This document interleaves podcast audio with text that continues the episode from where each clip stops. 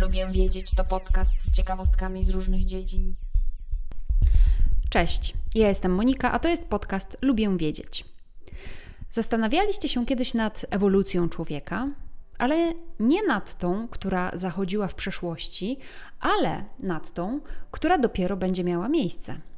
To znaczy, jak wyewoluuje nasze ciało za ileś tam tysięcy lat i jak będziemy wyglądać no bo człowiek ewoluował przez setki tysięcy lat, ale ta ewolucja przecież nie zatrzymała się tak nagle, jak ręką odjął. Czym w ogóle jest ewolucja? Są to zmiany cech całych grup organizmów następujące z biegiem pokoleń. Ewolucja zachodząca poprzez dobór naturalny polega z grubsza na tym, że różne cechy wiążą się z różną zdolnością do przetrwania i reprodukcji. I te cechy mogą być przekazywane, dziedziczone z pokolenia na pokolenie. W kolejnych pokoleniach więcej osobników przeżywa z tymi cechami, które pomogły przeżyć, co oznacza, że dalej przekazują te konkretne geny kodujące te cechy, które pozwoliły im przeżyć. Dość to skomplikowanie brzmi, ale prawdopodobnie i tak i tak wiecie, na czym polega ewolucja. Jednak obecnie dotychczas zachodząca ewolucja rzadko ma rację bytu. W większości części świata dzieci nie umierają już tak często jak kiedyś. Ludzie z uszkodzeniami genetycznymi, które kiedyś były śmiertelne, dzięki rozwojowi medycyny mogą przeżyć i mieć dzieci swoje własne, a naturalne drapieżniki raczej już nie zagrażają naszemu przetrwaniu. To inne czynniki będą wpływać na naszą ludzką ewolucję. Ja dzisiaj będę mówiła wyłącznie o cechach dotyczących fizycznego wyglądu, takich cechach, które są widoczne zwykle gołym okiem, a nie pod mikroskopem, czy też jakoś jeszcze inaczej. Poza pierwszą wyjściową zmianą, o której powiem, która też była dla mnie punktem wyjścia dla tego właśnie odcinka podcastu, wszystkie zmiany powinny być widoczne, jeśli oczywiście będą miały miejsce, bez rozkrawania ciała. Bo możliwe, że ludzie wykształcą u siebie odporność na jakieś choroby, np. raka lub wirusy, np. HIV, ale to nie o tym będzie ten odcinek, tylko o zmianach w wyglądzie zewnętrznym. No bo w końcu jak człowiek może wyglądać za ileś tam tysięcy lat? Będzie miał głowę podłużną i wielkie oczy, jak obcy? Czy będzie wysoki, czy niski? Do tego materiału zachęcił mnie artykuł podesłany przez jednego ze słuchaczy podcastu o tym, że coraz więcej ludzi ma dodatkową tętnicę. Płód dziecka zwykle wykształcał tętnicę w przedramieniu, ale w trakcie życia płodowego ta tętnica zanikała. Okazuje się, że anatomowie badali częstość występowania tej tętnicy u dorosłych już od XVIII wieku i badania te wskazują, że ta częstotliwość wyraźnie wzrasta. Częstość występowania wynosiła około 10% u osób urodzonych w połowie lat 80. XIX wieku, w porównaniu do 30% u osób urodzonych pod koniec XX wieku, jak podają naukowcy z Flinders University i University of Adelaide w Australii. Ten wzrost mógł wynikać z mutacji genów zaangażowanych w rozwój tętnic lub różnych problemów zdrowotnych u matek w czasie ciąży lub z obu powodów. Naukowcy szacują także, że jeśli ten trend się utrzyma, to większość populacji do 2100 roku będzie miała tę tętnicę środkową przedramienia. No ale co poza tą tętnicą w przedramieniu? Według Stevena Stearnsa, profesora ekologii i biologii ewolucyjnej z Yale, do połowy XIX wieku średnia odległość między miejscami urodzenia małżonków w Anglii wynosiła niecałe 2 km. W drugiej połowie XIX wieku wynaleziono rowery i one zwiększyły dystans, jaki mężczyźni pokonywali w poszukiwaniu małżonki, średnio do 48 kilometrów. Naukowcy zaobserwowali podobne zachowania w innych krajach europejskich.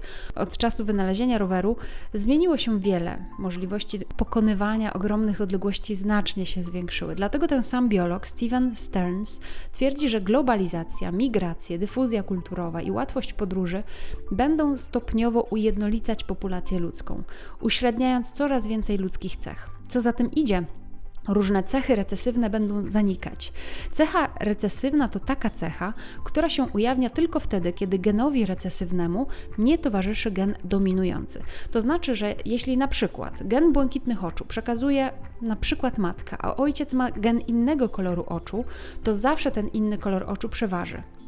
Dziecko może mieć tylko wtedy błękitne oczy, jeśli oboje rodziców będzie miało ten gen. I jak już można zauważyć, że taka cecha jak błękitny kolor oczu jest coraz rzadsza. Badanie przeprowadzone w 2002 roku przez epidemiologów Marka Granta i Diane Lauderdale wykazało, że tylko jeden na sześciu białych Amerykanów pochodzenia nielatynoskiego ma niebieskie oczy, w porównaniu z ponad połową amerykańskiej populacji rasy białej zaledwie 100 lat temu. Inne przykłady cech recesywnych poza niebieskimi oczami to na przykład rude włosy, przylegające uszy, brak skłonności do łysienia, prosty nos, grupa krwi zero, skłonność do cukrzycy. Dr Diane Lauderdale twierdzi, że niebieskie oczy nie znikną całkowicie, po prostu liczba osób z tymi cechami recesywnymi, czyli na przykład z błękitnymi tęczówkami, ustabilizuje się na niskim poziomie, który odzwierciedla szansę na kojarzenie się dwóch osobników posiadających te recesywne geny, na przykład niebieskich oczu. Także właśnie inne recesywne cechy z tego samego powodu będą coraz rzadsze i poza rudymi włosami zmniejszy się także liczba osób przykład z anemią sierpowatą czy mukowiscydozą. Tymczasem wiele innych cech fizycznych po prostu się ze sobą zmiksuje, że tak powiem. Większość cech, o których myślimy, że nas odróżniają, takich jak kolor włosów, kolor skóry, skręt włosów, rysy twarzy, kształt oczu, jest kontrolowana przez wiele genów, więc nie podążają za prostym wzorcem dominującym recesywnym. Ale to sprawi, że ludzie się będą do siebie coraz bardziej upodabniać. Inną cechą fizyczną, może nie wyglądu, ale fizyczną cechą, jaka się zmienia, to nasza temperatura ciała. Wszyscy wiedzą, że 36,6 stopni Celsjusza to temperatura ciała zdrowego człowieka. Jednak w XIX wieku za temperaturę zdrowego człowieka, mierzoną termometrem w ustach, uznano 37 stopni Celsjusza.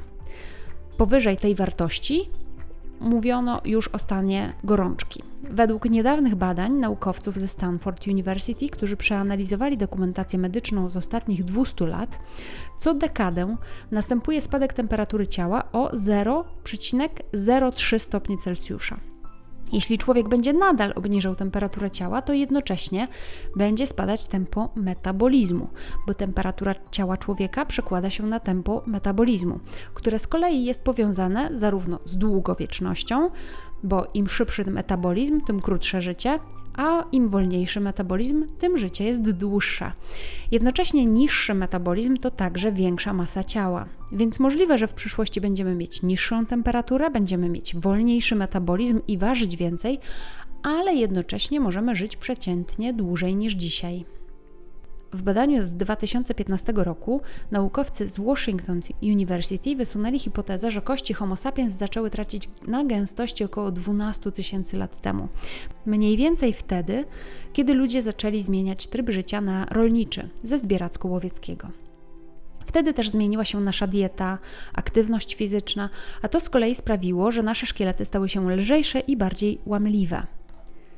Badanie wykazało, że tkanka kostna, a dokładnie jej tak zwana istota gąbczasta, czyli porawata, i właśnie gąbczasta tkanka znajdująca się na końcach kości długich, takich jak kość udowa, ta tkanka zmniejszyła się pod względem grubości i objętości. Mniej polowań i osiadły tryb życia zmniejszyło potrzebę posiadania ciężkich i odpornych na złamania kości.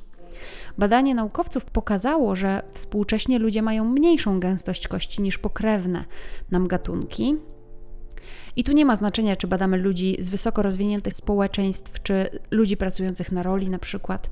Trend nadal się utrzymuje, ludzie przeciętnie są coraz mniej aktywni fizycznie, coraz większy odsetek populacji wykonuje pracę siedzącą i po pracy też mniej się rusza.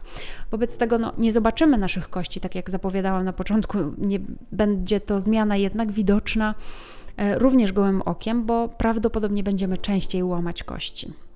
W trakcie ewolucji ludzka czaszka zmieniała się, innymi szczęka Homo sapiens obecnie jest znacznie węższa niż kilka tysięcy lat temu. A to sprawia, że wyżynanie się trzeciego zęba trzonowego było utrudnione. Stąd biorą się częste problemy ze zbyt dużym ściśnięciem zębów, rośnięcie zębów poza łukiem i stąd także niektórzy ludzie nie mają tak zwanych zębów mądrości. Na przykład ja nie mam żadnego. Często te ostatnie zęby się nie wyżynały w ogóle, tylko zostawały jakby pod skórą, pod tkanką. a to prowadziło do infekcji, co kilka tysięcy lat temu mogło być wyrokiem śmierci. Dlatego też pewna mutacja zaczęła być coraz częstsza. Sprawiła ona, że zęby mądrości nie pojawiały się w ogóle. Okazuje się, że obecnie co czwarta osoba nie ma przynajmniej jednego zęba mądrości. Więc w przyszłości prawdopodobnie ludzie nie będą mieli tych dodatkowych zębów. Ciekawa jestem, czego Wy chcielibyście się pozbyć w wyniku ewolucji lub co wykształcić. Ciekawa jestem, jak Wy wyobrażacie sobie przyszłego człowieka. Dajcie znać. A tymczasem dziękuję za wysłuchanie dzisiejszego odcinka podcastu. Zachęcam do subskrypcji, do zajrzenia do notatek tego odcinka, w których znajdziecie linki do badań, o których dzisiaj mówiłam, a także do źródeł informacji. Zapraszam na moje konta na Instagramie. Lubię wiedzieć gdzie dzielę się innymi ciekawostkami, a także na mojego Instagrama oddzielnie dotyczącego książek, które czytam. Zapraszam na konto Fiszkowa Kartoteka. Do usłyszenia. Cześć!